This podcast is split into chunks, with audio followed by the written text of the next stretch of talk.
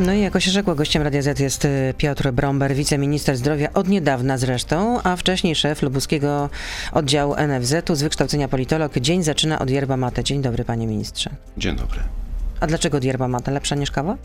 Nie Stawia piję, na nogi? nie piję kawy.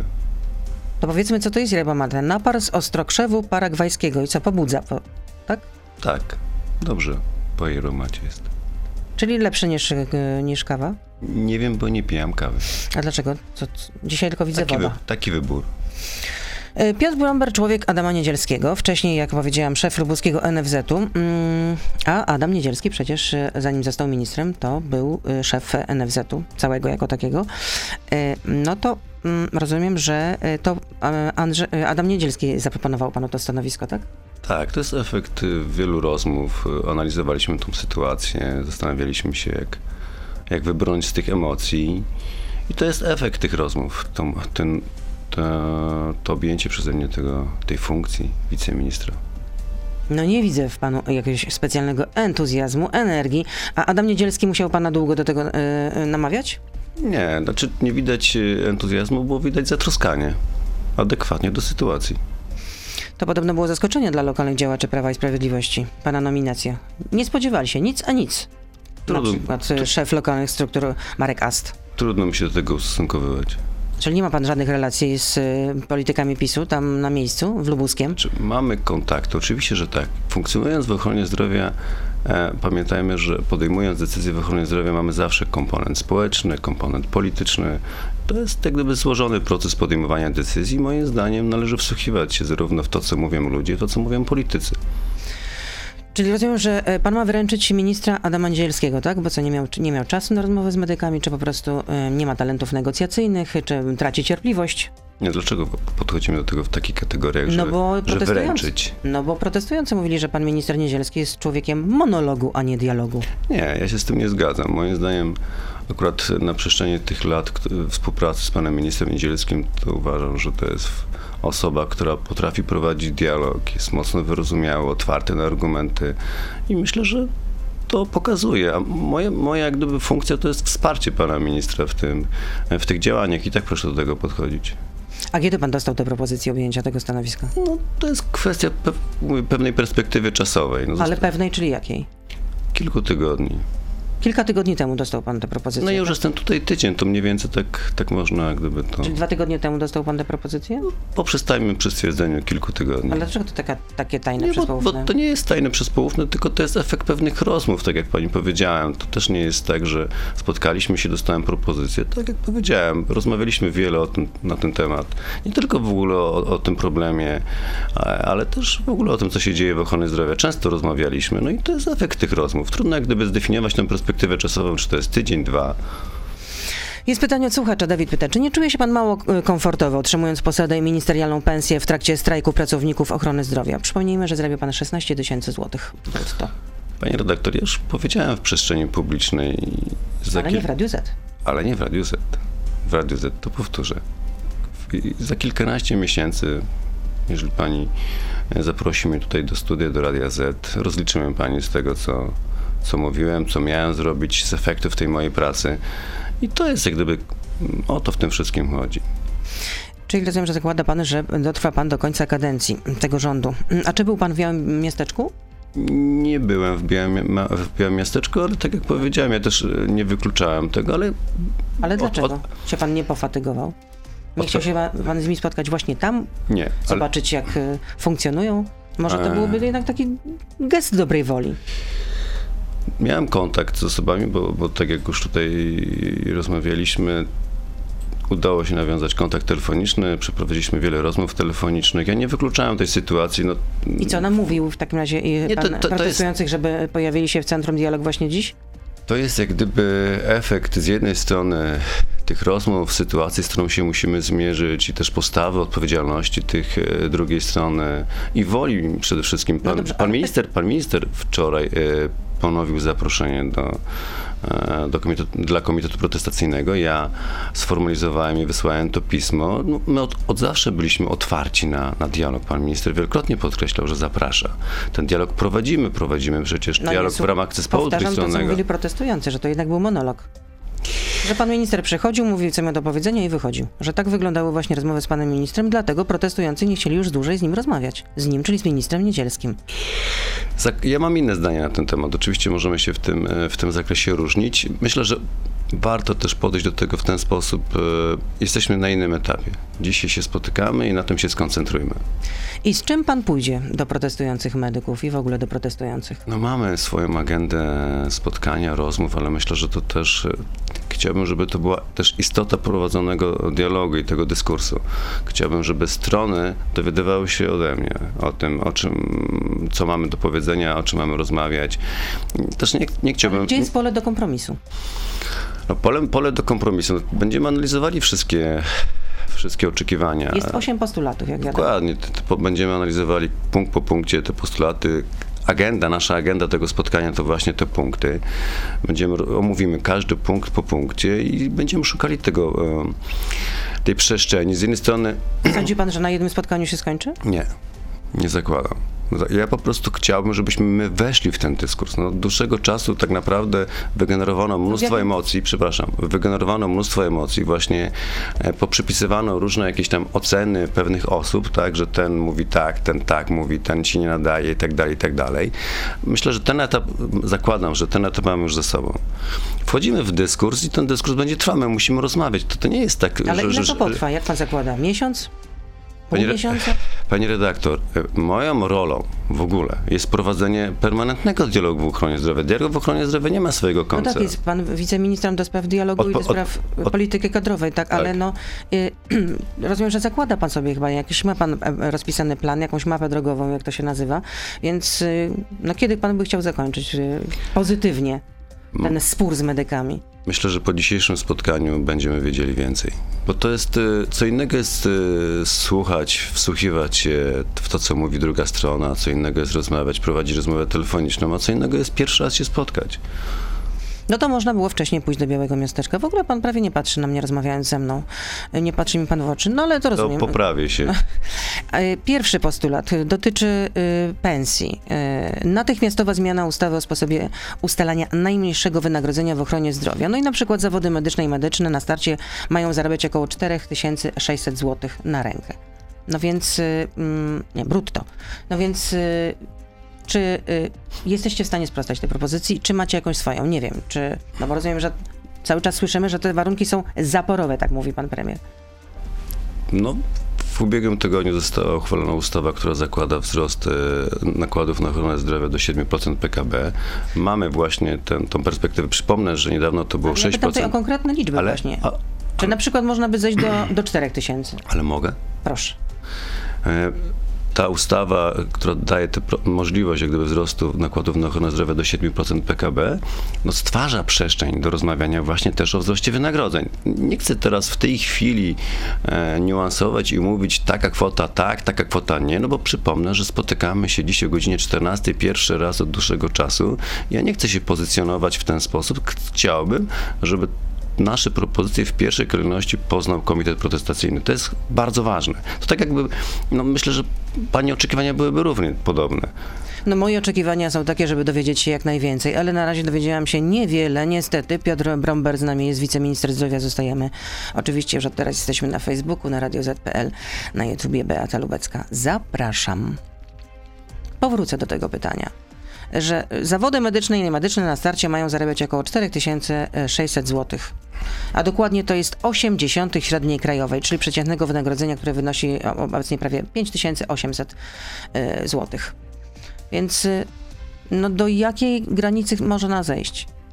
Pani, pani redaktor, Coś będzie musiał e, pan zaproponować, położyć na stole, że 4600 to jest za ale, dużo, ale ta propozycja jest. Tylko tak jak pani powiedziała, może, powie pan, tak? ale może, może pani się czuć nieusatysfakcjonowana. czuję się nieusatysfakcjonowana. Ale myślę, że przy następnej rozmowie, jak już będziemy po o, spotkaniu z Komitetem Protestacyjnym, po kolejnych spotkaniach, myślę, że tak jak pani powiedziała, że pani mnie zaprosi, to będziemy mówili już o faktach i będziemy mogli mówić o tym, kto jak zareagował na tą propozycję. No jaki ma sens mówienie o tym, że co ja powiem na spotkaniu z Komitetem Protestacyjnym? Myślę, że w pierwszej kolejności sama pani przyzna. Gdyby pani była po drugiej stronie, też chciałaby pani się w pierwszej kolejności o tym dowiedzieć. Zgadza się? No zgadza się, ale myślę, że y, mm, protestujący by się nie obrazili ani na mnie, ani na pana, gdyby pan powiedział, że tak, mamy pewne propozycje, jeżeli Mamy- chodzi o, mamy- jeśli o- chodzi o, o- y, oczywiście, że te mamy. postulaty płacowe. Mamy Jesteśmy w stanie wyjść naprzeciw, może nie w takiej wysokości, w jakiej, o jaką dopominają się medycy protestujący, ale Mamy zdefiniowaną przestrzeń do dyskusji, ale chciałbym podkreślić jedno, patrząc pani prosto w oczy, że nie tylko e, będziemy rozmawiali o pieniądzach, przecież te postulaty nie dotyczą tylko pieniędzy. ależ oczywiście, że nie, dotyczą funkcjonowania służby zdrowia. Właśnie, dokładnie. I one Dlatego, są najważniejsze. O właśnie, dla, dlatego e, wsłuchuję, no chcemy się jeszcze mocniej wsłuchać w to, e, na przykład w głos rezydentów. Ja w, w tym tygodniu spotykam się z, też ze studentami, korzystając z możliwości udziału w inauguracji roku akademickiego, poprosiłem też, ażeby każdorazowo zorganizować mi spotkanie z samorządem studentów. Po to też, żeby no, poznać też te oczekiwania i, i opinie ludzi młodych. No, ja zawsze uważałem, czy to w kontekście szczepień, czy to w ogóle w, w kontekście podejścia do zdrowia, że z ludźmi młodymi musimy inaczej rozmawiać, musimy być bardziej aktywni w tych rozmowach. No, myślę, że ta... Rezydenci to młodzi ludzie. No dokładnie. Myślę, ale że na razie leje pan wodę, tak mówiąc. Tak. pije wodę. Ale pije pan wodę, Piję ale też pan wodę. leje wodę, no bo jest kolejny postulat, na przykład wzrost wyceny świadczeń medycznych oraz ryczałtów o 30% oraz tak zwane dobre karetki, czyli pieniędzy na utrzymywanie pracy karetki przez 24 godziny o 80%. Ale przecież, Do ale, jakiego ale poziomu przecież, jesteście w stanie ale zejść? przecież pani redaktor, wycena dobokratki już jest ogłoszona, nowa wycena, tak? E, Pan minister Kraska publikował, pan minister Niedzielski w, e, w trakcie forum ekonomicznego zakomunikował publicznie. W tej chwili trwają rozmowy, w tej chwili trwają rozmowy z ratownikami równolegle, tak? By sformalizować to, w jaki sposób to e, sformalizować te, te nasze propozycje. Przeszło 1000 zł karetka S i przeszło 1000 zł karetka P. Także to są konkretne, konkretne kwoty. Myślę, Czyli że to, to, można było zakomunikować na forum y, myślę, a, ale w Karpaczu, tak? myślę, że to nie jest Wcześniej. lanie wody, pani redaktor. No teraz, znaczy teraz no jakiś konkret jest, no ale ten konkret został zapowiedziany wcześniej. No to kolejny postulat. Zatrudnienie dodatkowych pracowników obsługi administracyjnej i personelu pomocniczego. Chodzi też o to, żeby y, zdjąć y, z y, tutaj. lekarzy, medyków Zgad- biurokrację, na którą się uskarżają. I słusznie chyba każdy, jak idzie do lekarza, to widzi, że tam po prostu lekarz ciągle coś musi wklepywać w komputer i zajmuje to właściwie więcej niż połowę wizyty. Jesteśmy otwarci na dyskusję na temat zawodów okołomedycznych, na temat zwiększenia, e, jeżeli chodzi o liczbę sekretarek medycznych. Zgadzam się tutaj z panią i z drugą stroną, Ale jest że to, że, że to jest przestrzeń e, do dyskusji, by tą tak zwaną biurokrację próbować jeszcze ograniczać. Przy czym no, chciałbym powiedzieć, że to na przestrzeni lat ten proces jednak trwa, ale też pamiętajmy o jednym. My wydajemy na ochronę zdrowia miliardy. Budżet NFZ-u to jest przeszło 100 miliardów. Na same dodatki do, na wzrost wynagrodzeń wydaliśmy 8 miliardów. Czyli mówimy o wydatkowaniu środków publicznych, czyli siłą rzeczy... Podwyżka w ale- budżecie, ale no to jest z czego czerpać. Mogę skończyć? Proszę. Czyli siłą rzeczy, chciałbym tylko uzmysłowić, ten proces zawsze będzie sformalizowany, bo my mówimy o wydatkowaniu naprawdę ogromnych pieniędzy środków publicznych. Czyli siłą rzeczy ta biurokracja ona będzie zawsze. Aczkolwiek, tak jak powiedziałem, tutaj jesteśmy otwarci na, na dyskusję i na propozycje, szczegółowe propozycje ze strony Komitetu Ale one są już znane, przecież to nie jest tak, że one są jakieś tajne przez połów. No ale, ale, ale propozycja jest ogólna. Zmniejszenie, zwiększenie i tak dalej. Zmniejszenie biurokracji. Proszę bardzo, jesteśmy otwarci. Czekamy na propozycje. Dzisiaj mam, mam nadzieję, że te propozycje poznamy. Zapewnienie zawodom medycznym statusu funkcjonariusza y, publicznego. Co się z tym wiąże? Szczególnie ochrona prawna, szczególna ochrona prawna i też szczególna odpowiedzialność karna. Karna. Dla osób, Tak. które zaatakowałyby na przykład. y, No mamy, mamy ustawę, osobę. mamy e, projekt ustawy o jakości. Tutaj są zapisy też, które mm, mają e, gwarantować tą e, ochronę. Przy czym no, mam tą wiedzę też bo, po rozmowie, że te zapisy też nie satysfakcjonują drugiej strony. Dlatego prosiłem e, drugą stronę, żeby ten temat dzisiaj też wybrzmiał w trakcie naszego spotkania. I, i Ale czy po- zawody medyczne mogłyby uzyskać status funkcjonariusza publicznego, tak czy nie? No, to jest, tak jak powiedziałem, będziemy dzisiaj o tym dyskutowali, bo ten temat jest w naszej agendzie. Rezygnacja z tworzenia nowych zawodów medycznych. To jest y, kolejny postulat. Chodzi o to, że Ministerstwo Zdrowia chce, żeby na przykład y, ratownicy medyczni i pielęgniarki mogli uzyskiwać specjalizację chirurgicznego asystenta lekarza. No a według porozumienia chirurgów skalpel, chiru, chirurgowi powinien asystować lekarz rezydent. Znaczy tutaj akurat mam odmienne zdanie. No, w, oczywiście wstępnie nie, nie, nie, zak, nie zakładam możliwości gdyby zmiany tego zdania, jednak uważam, że jeżeli mamy problem, w głównej mierze e, problemy z dostępnością do świadczeń opieki zdrowotnej są zdeterminowane właśnie czym? Brakiem personelu, nie pieniędzmi. Zgadza No, ale się? tak wydaje się to logiczne. Jeżeli No, lekarz rezydent, który ma być chirurgiem, no to niech w takim razie asystuje również przy ale, operacji. ale mogę? Bardzo proszę. To uważam, że właśnie wydaje się, idąc Pani takim rozumowaniem, wydawał, wydaje się logicznym, żeby takie zawody okołomedyczne jednak powstawały, bo inaczej nie poradzimy sobie. Oczywiście my na przestrzeni ostatnich lat zwiększyli, zwiększyli, zwięk, u- uległo zwiększenie liczba miejsc na kierunkach e, lekarskich o 2000. Zwiększamy liczbę e, miejsc rezydenckich. To wszystko po to, żeby zwiększyć ten potencjał ludzki. Ale w tym okresie przejściowym szczególnie te zawody okołomedyczne i, i powstanie tych zawodów okołomedycznych jest bardzo ważne. Też ono jest potrzebne po to, żeby lekarz faktycznie mógł się zajmować tylko leczeniem. Czyli jak gdyby to jest też wyjście naprzeciw tej biurokracji, o której pani wspomniała. No ale dlaczego nie można by jednak pójść na rękę mm, chirurgom, którzy mówią, że przy takich y, operacjach powinni asystować lekarze rezydenci? No to też jest po prostu forma nauki. No jest to jakaś propozycja, tak jak powiedziałem, na temat zawodów okołomedycznych mam inne zdanie, ale też nie mówię, że nie mogę tego zdania jak gdyby zmienić, czy też jak gdyby zmienić perspektywę, e, przyjąć inne rozwiązania. To jest Nie przestrzeń. jest tak tutaj jak... pan nieprzemakalny, rozumiem. Ja ogólnie nie, nie jestem, nie, to moim zdaniem nie, nietrafione określenie, jeżeli chodzi o moją osobę. Ja pytałam ak- Okej, akurat ale, o no, ale to, to, to, to tak możemy ekstrapolować e, szerzej. Stworzenie bezpiecznego dla y, służby zdrowia systemu rejestrowania zdarzeń niepożądanych. No też mamy określone e, pro, propozycje. Ale co pan chce zaproponować? W tym, e, w tym zakresie to i też e, po, po pierwszych moich rozmowach oczywiście ze stroną, znaczy takich rozmowach telefonicznych bardziej, wiem, że, że, że się różnimy, ale też mamy ten punkt dzisiaj w agendzie i będziemy o tym dyskutowali. Zero konkretów, zero konkretów. A Nie, czy możliwe na przykład ale- jest ale- wprowadzenie urlopu zdrowotnego po 15 latach pracy zawodowej? Rozważamy taką możliwość. No dobrze, ale to Ale będzie, nie, ale- to będzie, e, to będzie urlop roczny, półroczny, jaka będzie możliwość? No ale pani redaktor, to tak jak pani powiedziała, może pani e, powtarza, bo po często pani powtarza, że jest pani nieusatysfakcjonowana tym, co mówię i, i, i, i brakiem konkretów, ale tak jak pani powiedziałem, wychodzę z założenia jednak, może, nie wiem, może pani uznać niesłusznego założenia, że uważam, że o naszych propozycjach w pierwszej kolejności powinni te nasze propozycje powinny być przedstawione dzisiaj o godzinie 14. Nie po, nie po to, jak gdyby no, staraliśmy się doprowadzić do tego spotkania, żeby teraz druga strona mi powiedziała, no, panie wiceministrze, no ale tutaj no, dobrze byłoby, żebyśmy się w pierwszej kolejności dowiedzieli, co pan chce mi powiedzieć. No to to jest takie, no moim zdaniem, abecado do prowadzenia jednak dyskusji, negocjacji. A stresuje się pan przed takimi rozmowami? Bo to jest taka, takie pierwsze spotkanie face to face z, protest, z protestującymi. No, traktuję to jako duże wyzwanie. Tak jak spotkanie z panią. Y, Koronawirus przybiera też na sile. Mm, Nieoficjalnie y, wiadomo, że rząd może wprowadzić jakieś lokalne obostrzenia. Jakie są brane pod uwagę? No w tej chwili tak naprawdę moim zdaniem mm, uważam, że to jeszcze nie jest czas, żeby mówić o, o lockdownie czy jakichkolwiek innych obostrzeniach. Analizujemy oczywiście sytuację. Dlaczego mamy trochę inną sytuację niż, niż w, w trakcie poprzedniej fali? Ale okej, Jak pan będzie tam na tych negocjacjach, to dobrze poprawię byłoby się. patrzeć na tych Popraw, ludzi. Nie, ale, mówię. ale, no dobrze, okej, ale, ale zamy- nie mogę się zamyślić? Mogę. Okej, fajnie, dziękuję bardzo. E, to w tej chwili mamy dwa parametry. Liczbę zakażeń, ale też liczbę e, osób zaszczepionych i to rozróżnia te e, falę trzecią od, od, od czwartej. Ale nie uzyskaliśmy z, y, y, tej y, z, No ale mamy, no tak. e, zbiorowej odporności. odporności ale mimo stadnej.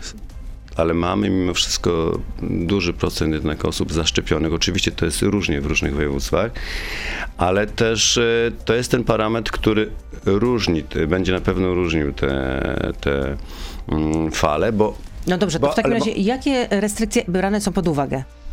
Pani redaktor, tak jak pani powiedziałem, liczba zakażeń, ale też liczba osób zaszczepionych, bo teraz tak naprawdę to główny, głównie to, co determinowało nasze działania, to, to była liczba co? Hospitalizacji, zgadza się, tak? I ta liczba hospitalizacji, naszym zadaniem było przede wszystkim zapewnienie liczby łóżek adekwatnie do rosnącej liczby hospitalizacji. Teraz zakładamy, że ta liczba zakażeń nie będzie bezpośrednio przekładała się na tą liczbę hospitalizacji, bo mamy jeszcze ten parametr liczby osób zaszczepionych. I to jest ważne. Wśród e, osób zakażonych 99,1% osób to są osoby niezaszczepione. Moim zdaniem, wczoraj od ministra Niedzielskiego. moim tak? Zdaniem- Minister o tym powiedział. moim zdaniem ważnym jest teraz jeszcze, by wykorzystać ten czas jednak do zachęcania, do zaszczepienia się. A jak jeszcze można zrobić, zachęcić bardziej? No, chociażby podając takie liczby jak przed chwilą, te 99,1%, na przykład podając y, informacje, które są ogólnie dostępne y, w mediach, że na przykład ktoś, kto był tam gorącym przeciwnikiem y, szczepień, był aktywistą w tym zakresie, no, zmarł z powodu zakażenia. No, to są, Czyli to są, to będziemy są... teraz, rząd będzie straszyć nie, Polaków, tak? Nie, ale pani, pani redaktor, dlaczego pani uważa, że to mówienie o, o takim to jest straszenie? To jest jak gdyby też pokazywanie tej perspektywy. No, to, to, to, to nie jest straszenie. No, a, a zna, dobrze, powiem inaczej, panie redaktor. To proszę mi powiedzieć, to w jaki inny sposób można komunikować? To oczywiście były zachęty różnego rodzaju, były loterie, były dyskusje, było uświadamianie, było, były takie dyskusje na zasadzie masz wątpliwości, porozmawiaj z lekarzem rodzinnym. Były? Były. Oczywiście, a teraz musimy się zmierzyć też z czymś innym. Jesteśmy na innym etapie, Czy zgadza będą się? limity dla niezaszczepionych? No jest to rozpatrywane, tak, to, to mogę tylko powiedzieć, że, ale tak jak powiedziałem, e, umówmy się, spróbujmy jednak mimo wszystko jeszcze cały czas zachęcać tych ludzi. I, i, i proszę no to też, jak rząd będzie ale, zachęcał? Ale, ale, proszę, no ale widzi pani, bo jak, jak ja proponuję e, e, pani, by, by w ten sposób też komunikować i u państwa na antenie, ale przecież, tak? o tym, ale przecież o tym mówimy. No, no nie ukrywamy tego. No właśnie, to dlaczego właśnie mówimy, że to jest straszenie? To nie jest straszenie, to jest, komunik- to jest komunikacja po prostu, mówienie o tym, jaka jest perspektywa, jeżeli się nie zaszczepisz, ryzyko, ryzyko i tak dalej, i tak dalej, i tak dalej. Ogólnie rzecz mówiąc, moim zdaniem powinniśmy więcej robić po to, żeby każdy z nas bardziej świadomie podchodził do swojego zdrowia. Czy my sobie zadajemy pytanie, czym dla nas jest swoje zdrowie? No rzadko, sama pani przyzna. No, szlachetne zdrowie, mm, jak to pisał, y, wiadomo, y, nasz... Nasz pisarz, no to mm, znany przecież z podstawówki, no to chyba wiemy, szlachetne zdrowie. Dla przykładu, e, my koncentrujemy się tylko i wyłącznie na medycynie naprawczej. Medycyna naprawcza, oczywiście medycyna naprawcza pochłania te, te, te 100 miliardów i inne Oczywiście wiemy, prewencja najważniejsza. No i co właśnie, co robimy w tym? A, szczep, a, a, szczepie, a Profilaktyka. szczepienie czym jest? Tylko to, to właśnie to jest, to jest, ten, to jest ta To forma. jest prewencja i- to No jest właśnie. prewencja. No to spróbujmy jak gdyby powiedzieć, uświadamiać, mówić do bólu, przepraszam, do bólu, bo tu nie ma, nie ma tej granicy do kiedy. Nie ma też granicy w jaki sposób. Wszyscy, Dobrze, każdy, że na bieżąco będą podejmowane każdy, decyzje. każdy komunikat, każdy na bieżąco komu- będą tak. podejmowane decyzje. A czwarty lockdown rozumiem, że całkowicie wykluczony, Znaczy tak? nie, to ja, to ja moim zdaniem tylko powiedziałem tylko, że to teraz to nie jest czas, y, by rozmawiać o lockdownie. Są pytania jeszcze słuchaczy. Michał pyta, czy, czy korzysta pan minister z prywatnej służby zdrowia? Nie, nie korzystam. Korzystam przede wszystkim e, z porady i pomocy lekarza rodzinnego, do którego, co podkreślam, mam zaufanie. Bo to też jest słowo... Ale to jest lekarz pra- pracujący w prywatnej lecznicy, czy Nie, w publicznej służbie publicznej. zdrowia? Lekarz, mój lekarz rodzinny. Ja zawsze podkreślałem, jak ważna jest rola lekarza rodzinnego i, i też na kanwie tej naszej tutaj dyskusji wa, ważne by, by, by wspomnieć o tym, jak ważne jest zaufanie. Tak naprawdę wiele, wiele rzeczy e, wynika z tego, że my nie mamy do siebie zaufania. No, pani oczywiście może, tak jak e, wypytuje mnie o pewne konkretne dane, liczby i tak dalej. No bo To- do a- polityków trzeba mieć bardzo ograniczone zaufanie. Dobrze, ale to zaufanie mimo wszystko trzeba kształtować. Kolejne pytanie od słuchacza. Wszyscy wiemy, że prywatnie leczy się każda klasa społeczna, bo to jest nie, niezdrowe, żeby czekać pół roku na diagnozy czy kilka lat na operację na NFZ. Dlaczego nie można odliczyć sobie pieniędzy wydanych na prywatne leczenie od podatku?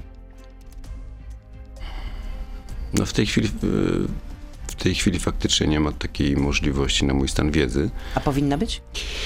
Nie jestem do tego przekonany. Uważam, że my powinniśmy zrobić wszystko, żeby jednak e, dostępność do publicznej ochrony zdrowia była jak największa. Przypomnę, że na przestrzeni lat zwiększyliśmy dostępność do szeroko rozumianej diagnostyki. Diagnostyka jest nielimitowa. Kiedyś, no, mm, jeszcze kilkanaście lat temu, no, był dostęp do, do, na przykład do, do badania tomografii, do rezonansu, e, badanie PET i tak dalej, i tak dalej. W tej chwili e, rezonans, tomograf e, to, to, są, to są świadczenia już nielimitowe. Z- Znieś, zniesiono limity, A wie pan, jak trudno się zapisać na przykład Pan na badanie no, tomografem? ale to dla, dla, tylko, jeszcze tylko skończę. E, Zmniejszyliśmy, e, zwi, znaczy znieś, Trzeba za to zapłacić. znieśliśmy limity, znieśliśmy limity ambulatoryjnej opiece specjalistycznej, ale w głównej mierze to, o czym pani mówi, e, to jest zdeterminowane jednak brakiem personelu. To jest to, czym, o, czym, o czym mówię. No nie da się sklonować ani pielęgniarek, ani lekarzy. Ale- to jest przecież ale też- y, ale- proces na lata. Ale, Ale dokładnie, ale też to, co powiedziałem wcześniej. plus jeszcze muszą być zachęty finansowe, żeby Te konkretne wykształceni lekarze czy też pielęgniarki nie wyjeżdżali na zachód. te konkretne liczby, o których też wspomniałem, zwiększyliśmy liczbę miejsc na kierunkach lekarskich, zwiększyliśmy miejsce, mi- liczbę miejsc, e, jeżeli chodzi o rezydentury. To są, te, to są już te działania. Mało tego, są też e, miejsca tak zwane e, priorytetowe. Jeżeli chodzi o specjalizacje priorytetowe, czyli no, interna, chirurgia ogólna, e, lekarz rodzinny, bo nam brakuje no, w głównej mierze tych podstawowych specjalizacji. Brakuje nam internistów, brakuje nam lekarzy rodzinnych, brakuje nam chirurgów ogólnych, brakuje nam No to wszystko anestezjologów. wiemy, no to już jest diagnoza, ale diag- na diagnozę już jest, y, Ale to, no- to jest zdecydowanie za mało, trzeba teraz jednak wcie- No to, no to idźmy wcielić jeszcze, plan na, to, to idźmy jeszcze w kierunku, naprawczy. w kierunku działań, które chcielibyśmy podjąć. Jeżeli chodzi o ludzi młodych, kwestia, e, tak jak powiedziałem, zmniejszenie liczby specjalizacji. Jeżeli kwestia robienia, jeżeli chodzi o sam sposób e, przebiegu tej specjalizacji, kwestia egzaminu, to są, to są jak gdyby obszary, w których chcemy dokonać zmian i w których wchodzimy w dyskurs e, z ludźmi młodymi, z rezydentami, ze studentami I bardzo daleko odeszliśmy od pytania, czy pieniądze za leczenie prywatne nie powinny być odleczania, od, od, odliczane od podatku. Pan tak- jest, tak nie jest zwolennikiem. znaczy- znaczy Pan nie, nie, jest takiego rozwiązania. Ale ja jestem zwolennikiem zwiększenia dostępności do publicznej ochrony zdrowia. To każdy by tak chciał. Jakie są skutki zdrowotne dzięki podatkowi od cukru? Czy ma pan jakieś statystyki? Czy Ministerstwo Zdrowia ma jakieś statystyki? No w tej chwili akurat y, są oczywiście te konkretne liczby. W tej chwili akurat pani nie odpowie na, akurat na to pytanie, jeżeli chodzi o, o liczby, ale ten instrument sam w sobie to jak gdyby w korelacji z tego, co mówiliśmy wcześniej. Możemy kształtować postawy dwojako. Możemy kształtować postawy mówiąc, zachęcając, to czym mówiliśmy, jeżeli chodzi o szczepienia, ale też możemy po prostu wprowadzać regulacje formalno-prawne, które wymuszają na nas zachowanie. Myślę, że to jest dobre rozwiązanie. Ja byłem bardzo dużym zwolennikiem tego typu rozwiązania. Chociaż podatek od cukru to przede wszystkim chodziło o to, żeby były dodatkowe pieniądze do budżetu, wpływy. Czy pan wiceminister, kolejne pytanie od słuchacza, rekomenduje zamykanie uczelni, jeśli liczba zakażeń przekroczy na przykład tysiąc osób dziennie? No, tak jak powiedziałem, jeżeli chodzi w ogóle o wprowadzenie jakichkolwiek obostrzeń, one będą adekwatne do sytuacji. Myślę, że to teraz e, osoba, która, e, osoby, które za- zadają takie pytania, myślę, że to, to, to też jest ważne, żeby w tej chwili mówiąc o tym, ok, zaszczepiłeś się, to znaczy, że ryzyko będzie mniejsze. Zachęć kogoś ze swoich bliskich do zaszczepienia, przestrzegaj podstawowych zasad. Wybiegamy mocno do przodu, rozumiem, bo się obawiamy, e, robimy to z troski, no ale jeżeli obawiamy się i ta troska u nas jest, no to spróbujmy od siebie zacząć. No to dobrze, skończyliśmy. Wiem, że mamy y, troszeczkę skrócić czas tej rozmowy, ponieważ pan się spieszy, musi się pan przygotować do tych rozmów, w związku z tym Znaczy, no, nie, rozumiem. nie, chcia, nie chciałbym, żeby coś było kosztem, pani redaktor. Jeżeli pani jest nie, nieusatysfakcjonowana to tym skróceniem rozmowy, to możemy, jeżeli jest jakieś pytanie jeszcze od słuchaczy. No dobrze, to w takim razie jeszcze jedno pytanie od słuchaczy. Dlaczego Czesi mogą ratować swoje dzieci przed e, SMA, to jest rdzeniowy zanik mięśni, wyjaśnijmy, a Polska nie refunduje tego leku? Dlaczego rodzice muszą zbierać na tutaj takie drastyczne przykłady? Złom, nakrętki. Muszą poruszyć pół świata, żeby zebrać 9 milionów i uratować własne dziecko. Czy tak wygląda dumna, godna Polska? Panie redaktor, szanowni państwo, na przestrzeni ostatnich lat, jeżeli chodzi o dostęp do programów lekowych w Polsce, naprawdę zmieniło się wiele. Jeszcze do niedawna mm, były rozpoznania, które no niestety e, i, kończyły się źle, w sensie jak gdyby perspektywa leczenia dla pacjentów była, e, no, no, brak było tej perspektywy de facto. W tej chwili e, co roku e, zwiększa się liczba programów lekowych. Przypomnę, 17%, jeżeli chodzi o, o nakłady na, e, na, na, na, na leki. Myślę, że tutaj akurat w obszarze, w obszarze programów lekowych w Polsce na przestrzeni ostatnich lat wydarzyło się bardzo wiele. Ta dostępność jest dużo większa. E, jeżeli chodzi o chemioterapię, na przykład coraz więcej, coraz więcej szpitali podaje tą chemioterapię w trybie ambulatoryjnym, czyli to też jest takie wyjście mocno propacjenckie. Jeszcze na koniec, jeżeli mogę, kwestie właśnie relacji z organizacjami pacjentów, bo to dla mnie jest bardzo ważny komponent. Już jestem po, po pierwszych rozmowach, znaczy ten kontakt oczywiście z organizacjami pacjentów już, już miałem, jak byłem e, dyrektorem oddziału NFZ-u, ale w tej chwili, w przysz- przyszłym tygodniu spotykam się już w szerszym gronie z organizacjami pacjentów, bo również chciałbym, żeby oni uczestniczyli w tym procesie, procesie dialogu. Mamy tuż pierwsze, pierwsze pomysły i założenia. Chcemy e, opracować strategię, zaproponować opracowanie strategii właśnie partycypacji organizacji pacjentów w tym, e, co się dzieje w ochronie zdrowia. To też jest bardzo ważne, bo mamy pracodawców, mamy organizacje, jeż- przedstawicieli zawodów medycznych, ale też organizacje pacjentów. Dla mnie ten kontakt z, organizac- z organizacjami pacjentów jest bardzo ważny, to chciałbym, żeby to wybrzmiało.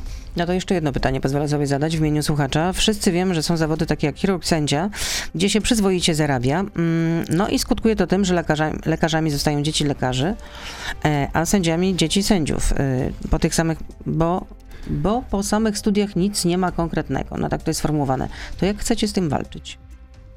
Ale walczyć z czym? No właśnie, że ktoś chce zostać lekarzem i może ma, dlatego, że ma y, y, tatę czy mamę ale dobrze, lekarza. Ale, ale, ale tutaj tak zakładam, że chodziło o to, żeby mieć perspektywę. Ja, ja rozumiem, bo myślę, że i pani, i ja, jak startowaliśmy kiedyś tam w tej przestrzeni zawodowej, każdy z nas chciał mieć perspektywę. Tak? Aczkolwiek ktoś musiał bardziej, mówiąc kolokwialnie, wyszarpać sobie tą perspektywę, ktoś mniej musiał sobie wyszarpać tej perspektywy. No, trochę inne czasy inne były, kiedyś przyzna pani, tak? No takie pionierskie, lata 90. tak. No, no dokładnie. Dokładnie. Jak my kończyliśmy studia, to jednak mimo wszystko ta perspektywa była inna. Tak jak powiedziałem, ludzie młodzi myślą teraz inaczej i dlatego uważam, że powinniśmy troszeczkę inaczej z tymi ludźmi rozmawiać, być bardziej, no ta cierpliwość to też jest bardzo ważny element. Myślę, że do nas pewnie e, nasi jak gdyby e, przełożeni nie musieli mieć tyle cierpliwości.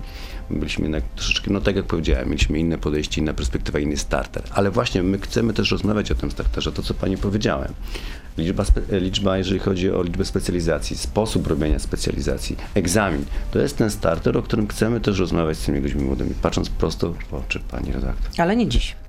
Dziś będą to rozmowy doty- dotyczące tych ośmiu postu- postulatów, o których y, rozmawialiśmy, o które wymieniliśmy i pan nie chciał nic powiedzieć, co tak naprawdę pan tam, Nie, jaką znaczy, dobrą nowinę ja- zaniesie dla protestujących. Ja tylko powiedziałem, że chciałbym, żeby protestujący To coś na zachętę, coś na zachętę dla, dla protestujących. Spotykamy się dzisiaj o 14. Dobrze, naszym gościem był pan wiceminister Piotr Bromber, wiceminister zdrowia od niedawna, były szef lubuskiego NFZ-u, teraz negocjator w rozmowach z protestującymi medykami i przedstawicielami innych zawodów medycznych. Dziękuję za spotkanie. Dziękuję zdrowia bardzo. nieustająco życzę. Wzajemnie. No i powodzenia w tych negocjacjach. Nie dziękuję. To był gość Radia Z. Słuchaj codziennie w Radio Z i na player radioz.pl.